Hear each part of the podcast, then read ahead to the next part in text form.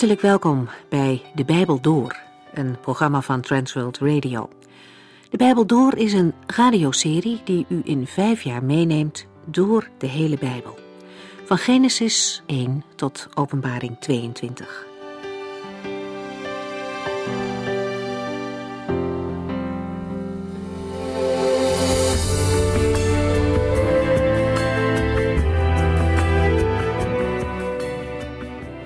Fijn dat u weer luistert. We gaan verder met Jozua 4 vanaf vers 19. In de vorige aflevering vertelden we u over Rahab, die de verkenners onderdak bood. Ze vertelt hen dat men in Jericho weet wat de Heer allemaal gedaan had voor zijn volk. En hoewel het al veertig jaar geleden was dat hij Israël uit Egypte had bevrijd, zijn de omringende volken het zeker nog niet vergeten. En ook al weten ze het, toch brengt het de meeste van hen er niet toe om deze God serieus te zoeken. Ze blijven zich tegen hem verzetten. Ook al zijn ze tegelijkertijd doodsbang voor God, zoals Ragab de verspieders vertelt. De mensen in het hele land zijn radeloos, omdat ze beseffen dat ze niet tegen deze God op kunnen. En toch bekeren ze zich niet. Jarenlang heeft de Heere gewacht en hen de kans gegeven om zich naar hem om te keren.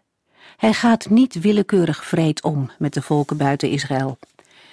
Wie de Bijbel oppervlakkig leest, zou dat wel eens kunnen denken, maar de Heere wacht met zoveel geduld op mensen. Hij wacht in de hoop dat ze alsnog voor hem en voor het leven zullen kiezen.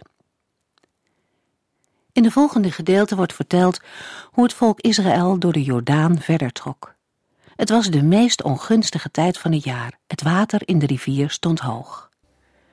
Maar zodra de voeten van de priesters die de ark droegen het water raakten, viel de rivier droog. Gods macht zorgde ervoor dat er een weg kwam waar geen weg was. En zo is het nog steeds. De Heere kan in het leven, ook in uw leven, een weg maken waar geen weg is. Als wij niet meer weten hoe we ergens uit moeten komen, als we er geen gat meer in zien, dan laat Hij mogelijkheden zien die geen mens had kunnen bedenken. De Heere is vandaag gelukkig nog dezelfde God als in de tijd van Jozua. We lezen verder, Jozua 4 vanaf vers 19.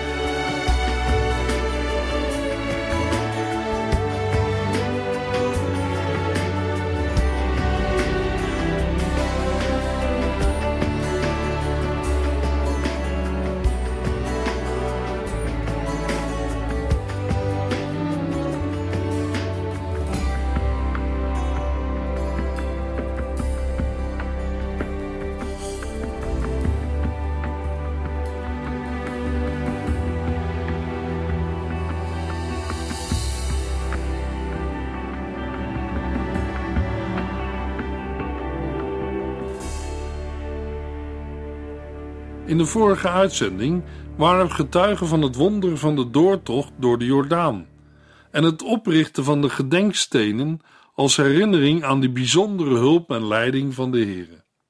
De Heer had voor de gedenkstenen Jozua de opdracht gegeven om twaalf mannen uit het volk te kiezen, één uit elke stam. Die mannen moesten twaalf stenen uit de Jordaan pakken van de plaats waar de priesters stonden. Ze moesten deze stenen naar de overkant brengen en in het kamp leggen waar de nacht zal worden doorgebracht. Jozua voert de opdracht uit. Opnieuw een illustratie van zijn gehoorzaamheid aan de Here. De twaalf stenen zijn bedoeld voor een herinneringsteken, een monument. In vers 20 wordt verteld dat dit monument in Gilgal komt te staan. Stenen herinneringstekens zijn ook vermeld in Genesis 28 en 35. Ze zijn bedoeld om de daden van de Heere te gedenken en een teken van Gods trouw en bescherming. Wanneer de kinderen later vragen wat die stenen voor hun ouders betekenen, moeten de ouders antwoorden dat de wateren van de Jordaan afgesneden werden toen de ark van het verbond bij de rivier kwam. Daarom zijn deze stenen tot een gedenkteken voor altijd. Kinderen kunnen ook bij andere gelegenheden vragen stellen aan hun ouders, bijvoorbeeld bij het vieren van het Pascha, het Joodse paasfeest, Exodus 12 en 13. Jozua 4, vers 19 tot en met 22. Dit wonder gebeurde op de tiende dag van de eerste maand. Die dag stak het hele volk de Jordaan over en sloeg het kamp op bij Gilgal, aan de oostgrens van de stad Jericho. Daar werden de twaalf stenen uit Jordaan opgestapeld als een gedenkteken. Jozua legde opnieuw de betekenis van de stenen uit. Later, zei hij, als uw kinderen u vragen waarom deze stenen hier liggen en wat zij te betekenen hebben, moet u vertellen dat deze stenen een herinnering zijn aan dit verbazingwekkende wonder, hoe het volk Israël over de drooggevallen grond van de Jordaan overstak. Het volk Israël komt op de tiende van de eerste maand veilig door de Jordaan. Dit is niet maar een losse historische mededeling, maar geeft ook een samenhang aan. Op deze datum, zie Exodus 12 vers 3 en 13 vers 4, moeten de Israëlieten een lam voor het Pascha uitkiezen. Het feest dat vier dagen later gevierd zal worden. Jozua 5 vers 10 tot en met 12. Tegelijkertijd is het precies 40 jaar geleden dat de Israëlieten uit Egypte trokken. Exodus 12 en Jozua 5. Zo worden uittocht, Jozua 4 vers 23, en intocht met elkaar verbonden. De maand Abib of Nissan valt halverwege maart en april. Het Pascha spreekt van verzoening. Op grond van die verzoening kan het volk, dat meermalen ongehoorzaam is geweest, toch het beloofde land binnentrekken. De Israëlieten legeren zich vervolgens in Gilgal, ten oosten van de stad Jericho. De naam Gilgal betekent steenkring en is daarmee een aanduiding voor een heilige plaats van de Canaanieten. De naam komt meerdere keren voor in de Bijbel. De hier genoemde steenkring, ten oosten van Jericho, lag tussen de rivier en de stad in en was mogelijk een plaats waar reizigers voor of na het passeren van de Jordaan hun gebeden konden doen en offers brengen. Nu neemt Israël deze plaats in bezit, want de Heer is machtiger dan alle afgoden. De ligging van de plaats is niet precies bekend. In Jozua 9 vers 6 wordt vermoedelijk een andere plaats ook Gilgal genoemd. Jozua richt op deze heidense plaats de stenen op die vanuit de Jordaan zijn meegenomen. Niet bij de oever, maar juist op die plaats komt het gedenkteken te staan. Daarmee wordt het wonder vastgelegd en de mogelijke vraag van de kinderen aan hun vaders wordt nog een keer herhaald. Als antwoord moeten zij dan vertellen dat deze stenen een herinnering zijn aan het wonder, hoe het volk Israël over de drooggevallen grond van de Jordaan overstak. De geestelijke les van deze verse voor vandaag is dat ouders hun kinderen de grote daden van de Heere moeten doorgeven. Daden die de Heere bewerkte in land, volk en persoonlijke leven, maar ook zijn eeuwenlange getuigenis uit de Bijbel en vooral het Evangelie, de blijde boodschap van en over de Heer Jezus. Jozua gaat verder. Jozua 4, vers 23 en 24. Vertellen hoe de Heer onze God de rivier voor onze ogen liet opdrogen en deze droog hield tot wij allemaal waren overgestoken. Het is hetzelfde wonder dat de Heere veertig jaar geleden bij de Rietzee deed. Hij deed dit opdat alle volken op aarde zullen beseffen dat de Heere de Almachtige God is en zij alle Hem zullen vereren. Het is mogelijk dat de Israëlieten dan verder gaan met de woorden die in de versen 23 en 24 staan. Wanneer de inhoud door latere generaties nagezegd wordt, veronderstelt dit de eenheid van de generaties. Dan beleeft men later wat een vroegere generatie heeft ervaren. Deze samenhang vormt de basis van de gebeden van Nehemia en Daniel met de schuldbeleidnis over de daden van vroegere generaties. We mogen deze verse ook zien als een nadere toelichting van Jozua op de versen 21 en 22. Jozua geeft aan dat de Heere de wateren heeft doen opdrogen, totdat het volk er is doorgetrokken, zoals de Heere dat ook heeft gedaan bij de Rietzee. De volwassen, strijdbare mannen van de generatie van de uittocht zijn inmiddels overleden. Jozua 5 vers 6. Maar de levieten, de vrouwen, de jongens en meisjes, die destijds nog geen twintig waren, behoren tot de groep die getuige is geweest van de uittocht uit Egypte. Uit de geschiedenis met Ragab weten we dat dit feit breder bekend was dan alleen onder het volk Israël. Jozua 2 vers 10. De bedoeling van dit alles is dat de volken zullen weten dat de hand van de Heere krachtig is, dat de Heere de Almachtige God is en zij allen Hem zullen vereren. Het is een teken van macht, kracht actie. In het Bijbelboek Micha staat een korte aanduiding ter herinnering aan wat er gebeurde vanaf Sittem tot Gilgal. Micha 6 vers 5. In afstand is het maar een klein stukje, ongeveer 20 kilometer. Israël heeft de route ook in een korte tijd afgelegd, maar in geestelijk opzicht is er veel gebeurd. Eindelijk komt het volk Israël in het beloofde land, en dat op een manier die het geloof van iedereen versterkt. De Heere doet niet alleen dit wonder, maar hij zal nog veel meer doen om zijn belofte te vervullen. Het is nodig voor het volk van God om de grote daden van de Heere blijvend in herinnering te hebben. Daartoe worden twee monumenten opgericht, in en bij de Jordaan. De twaalf stenen vormen een symbool van de twaalf stammen van Israël. In 1 Petrus 2, vers 4 en 5 noemt Petrus de gelovigen levende stenen die samen een gebouw, Gods tempel vormen. Ook daar kan gevraagd worden: wat zijn dat voor stenen? Als zij zwijgen, kan de Heer gewone stenen laten spreken. Lucas 19, vers 40. Behalve vaste gedenktekens heeft Israël nog meer symbolen om Gods daden te gedenken, zoals gedenkkwasten aan de kleding, nummer 15, vers 37. Het is ook voor gelovigen vandaag van belang de heilsfeiten uit het verleden te gedenken. Daardoor wordt het geloof versterkt en word je gericht op de toekomst en de verdere vervulling van Gods beloften. In een aantal commentaren wordt het slot van Jozua 4 als een belangrijk principe aangegeven om een geestelijke opwekking na te streven. Ook doop en avondmaal vervullen die functie. De levende God gaat ook in onze tijd door met zijn werk. Jozua 3 vers 10 en 11 Vandaag zal het u duidelijk worden dat de levende God in uw midden is en dat hij vast en zeker al deze volken voor u zal uitdrijven. Want de ark van het verbond van God, die de Heere van de hele aarde is, zal u over de rivier leiden. Wat God voor het volk Israël deed, is ook voor ons van belang. Hij deed het opdat alle volken van de aarde zullen weten dat de Heere de Almachtige God is en zij allen Hem zullen vereren. Zijn doel werd letterlijk vervuld op het moment dat de Canaanieten het nieuws hoorden dat het volk Israël de Jordaan was overgestoken. Jozua 5, vers 1.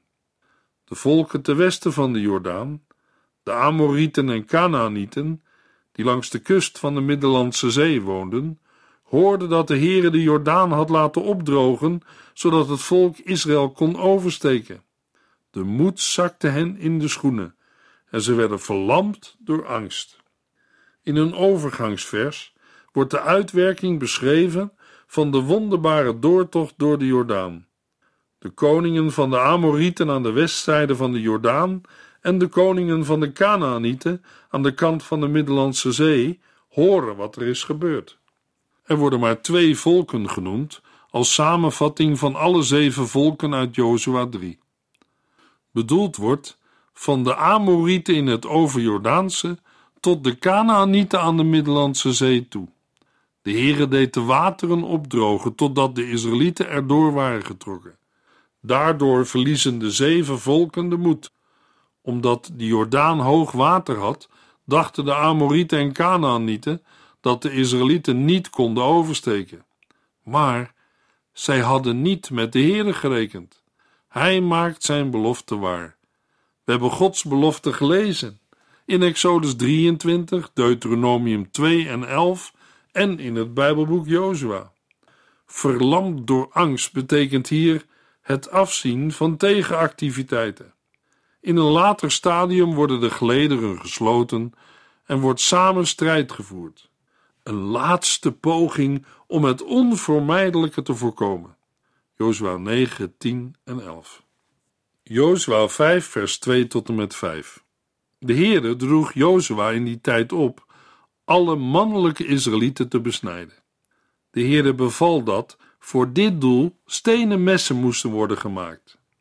Daarop maakte Jozua scherpe messen en besneed de Israëlieten op de plaats die de heuvel van de voorhuiden werd genoemd. Deze besnijdenis was nodig omdat alle mannen die bij het vertrek uit Egypte oud genoeg waren om wapens te dragen, waren besneden. En tegelijk met de hele generatie die gedurende die jaren in de woestijn was, waren gestorven. Maar alle jongens die in de woestijn werden geboren, waren niet besneden. Voordat Israël optrekt naar Jericho, moet eerst de relatie met de Heere zuiver zijn. Dit komt tot uiting in de besnijdenis en de viering van het Pascha. Nu de inwoners van het land zo moedeloos zijn, kan het volk Israël besneden worden, zonder dat het aangevallen wordt. De Heere geeft de opdracht aan Jozua om stenen messen te maken, om daarmee de Israëlieten te besnijden. Ook Sephora nam een stenen mes voor de besnijdenis van haar zoon. Exodus 4, vers 25. Het gebruik van stenen messen in een tijd dat ook metalen, in ieder geval bronzen messen beschikbaar waren, is niet zozeer een oude traditie, maar waarschijnlijk vooral praktisch. Er waren veel messen nodig. Bovendien zijn stenen messen erg scherp en hygiënisch, zodat ze ook bij andere volken veel gebruikt worden. In onze tijd is duidelijk geworden dat bacteriën en virussen niet in steen kunnen groeien.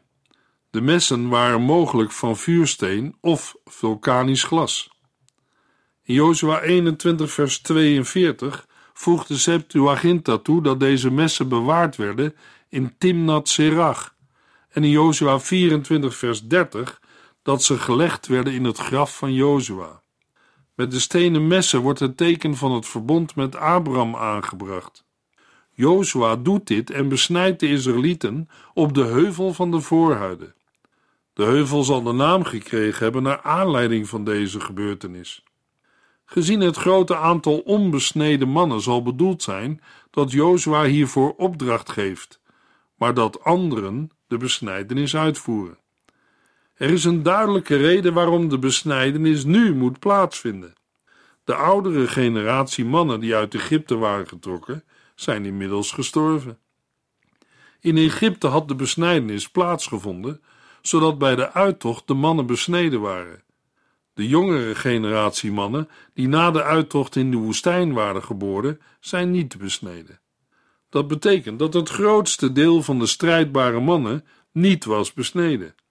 De jongens die voor de opstand bij Kades Barnea nog geen twintig jaar waren, zullen wel zijn besneden. De mannen die daarna geboren zijn en die in de tijd van Jozua hooguit 38 of 39 jaar zijn, moeten nu worden besneden. Vermoedelijk was dit voor ongeveer twee derde van de mannen het geval. De mannen die wel besneden waren, de oudere mannen, konden de besnijdenis helpen uitvoeren. Zo hadden alle mannen voor de inname van het beloofde land het teken van het verbond met Abraham ontvangen. Het verbond waarin de Heere Abraham het land Canaan beloofde voor zijn nageslacht. Jozua 5 vers 6 tot en met 9 Want veertig jaar lang had het volk rondgetrokken in de woestijn, net zolang tot alle mannen die bij het vertrek uit Egypte oud genoeg waren om een wapen te dragen, waren gestorven. Ze waren immers ongehoorzaam geweest aan de Heere, en hij had gezworen dat zij geen voet zouden zetten in het land dat hij Israël had beloofd, een land dat overvloeide van melk en honing. Daarom liet Jozua nu hun zonen besnijden, die God in de plaats van hun vaders had gesteld. De Heer zei tegen Jozua: Vandaag heb ik de schande van uw onbesnedenheid weggenomen. Daarom werd de plaats waar dit gebeurde Gilgal genoemd, dat wegnemen betekent. En zo heet het nu nog. Na deze ceremonie bleef het hele volk rusten in het kamp tot de wonden geheel waren geheeld. Als toelichting staat er dat de Israëlieten veertig jaar door de woestijn trokken, totdat de strijdbare mannen omgekomen waren. Zij hadden niet naar de stem van de Heere geluisterd, en daarom had hij gezworen dat zij het beloofde land niet zouden zien. In de gelezen versen wordt geen reden genoemd waarom de besnijdenis is nagelaten. Het is goed mogelijk dat de Heere bij wijze van straf de besnijdenis tijdelijk heeft verboden. Het verbond bleef wel bestaan, maar delen van het verbond, onder andere gehoorzaamheid, functioneerden niet.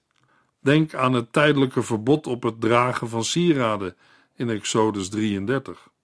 In een aparte zin, vers 9, wordt meegedeeld dat de Heere Jozua zegt dat hij vandaag de schande van de onbesnedenheid van het volk heeft weggenomen. Vers 9 kan ook vertaald worden met de schande die sinds Egypte op u rust. Dan kan het een schande zijn die de Heer op zijn volk heeft gelegd. Daarmee kan bedoeld zijn de lange omzwerving door de woestijn, maar ook het mogelijke verbod om de besnijdenis uit te oefenen en daarmee verbonden de mogelijkheid het paasgaat te vieren. De Heere maakt nu een eind aan die negatieve situatie. Naar aanleiding van deze gebeurtenis wordt die plaats Gilgal genoemd, plaats van wegneming. Het is mogelijk dat de plaats al Gilgal heette, Jozua 4 vers 19. In dat geval wordt een nieuwe betekenis gegeven aan een bestaande naam. De naamgeving in de Bijbel geeft gewoonlijk geen exacte verklaring, maar een geestelijke verbintenis. De bestaande naam steenkring wordt nu in verband gebracht met het werkwoord wegrollen, afwentelen. Bijvoorbeeld, de naam Jacob is in Genesis 25, vers 26 positief bedoeld naar aanleiding van het vasthouden van de hiel van Esau. Maar in Genesis 27, vers 36 wordt de naam negatief ingevuld met bedrieger en hielenlichter.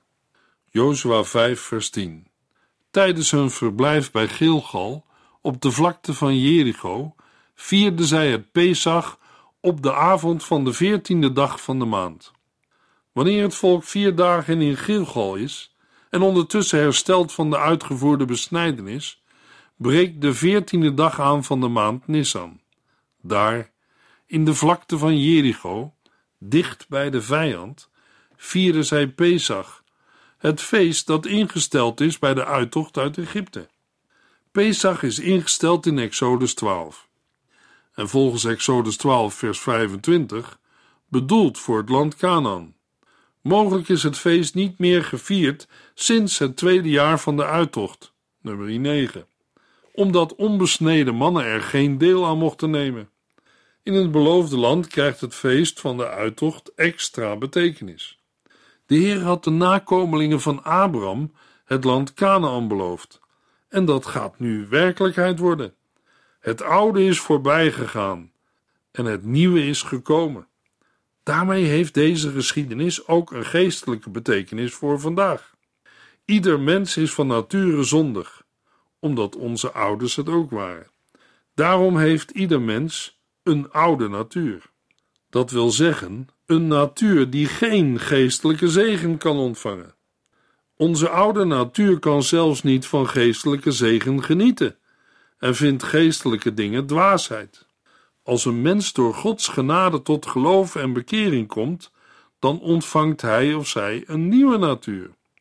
Paulus zegt erover in Gelaten 5, vers 17: Want de zondige neigingen gaan in tegen de verlangens van de Heilige Geest en omgekeerd. Deze twee krachten zijn altijd met elkaar in conflict. U moet dus niet doen wat u maar wilt. Paulus noemt de oude natuur onze zondige neigingen. Deze gaan in tegen de verlangens van de Heilige Geest, de nieuwe natuur. Deze twee krachten zijn altijd met elkaar in conflict. Dit conflict valt onder de geestelijke strijd van een gelovige. In Romeinen 7, vers 5 en 6 zegt Paulus: Toen wij nog ons eigen leven leidden, werd ons lichaam beheerst door zondige begeerten die werden aangewakkerd door de wet. Het enige gevolg daarvan was de dood. Maar nu zijn wij van de wet bevrijd. Omdat wij gestorven zijn, kan zij ons niet vasthouden. Nu kunnen we God op een heel nieuwe manier dienen, vanuit ons hart, door zijn geest, en niet op de oude manier door het naleven van wetten. Jozua 5, vers 11 en 12. De dag na Pesach aten zij van de opbrengst van het land, ongezuurd brood en geroosterd koren. De volgende dag viel er geen manna meer. De tijd van het manna was voor de Israëlieten voorbij.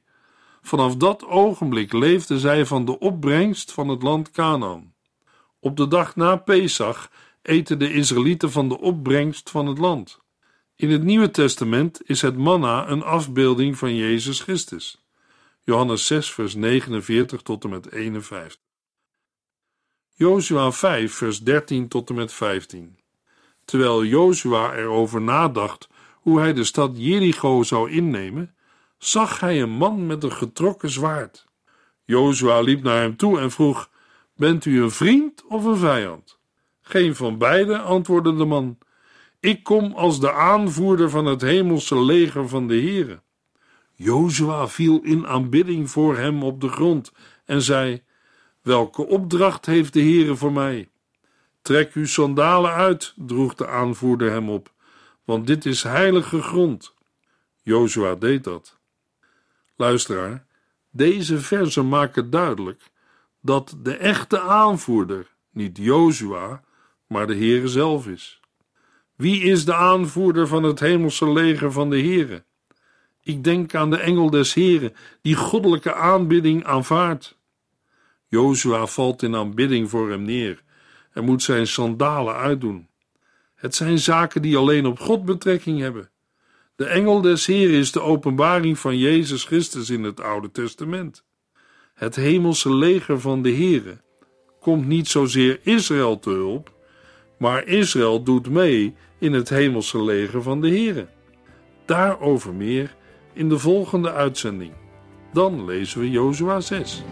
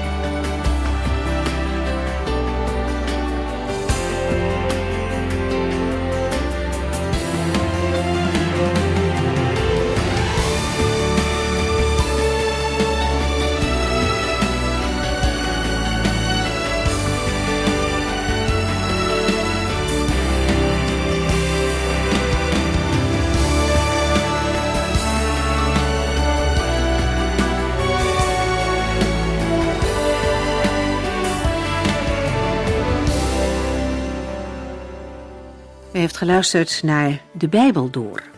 In het Nederlands vertaald en bewerkt door Transworld Radio. Een programma waarin we in vijf jaar tijd de hele Bijbel doorgaan. Als u wilt reageren op deze uitzending of u heeft vragen, dan kunt u contact met ons opnemen. Tijdens kantooruren kunt u bellen op 0342 47 8432.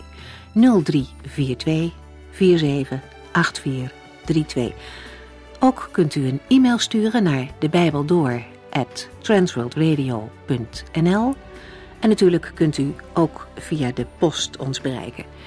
TWR, postbus 371, postcode 3770, AJ in Barneveld. Dit programma werd gepresenteerd door Cor Weda en Ike André. Techniek was in handen van Odin van Woerdekom. En wij allemaal bedanken u voor het luisteren. Graag tot de volgende keer.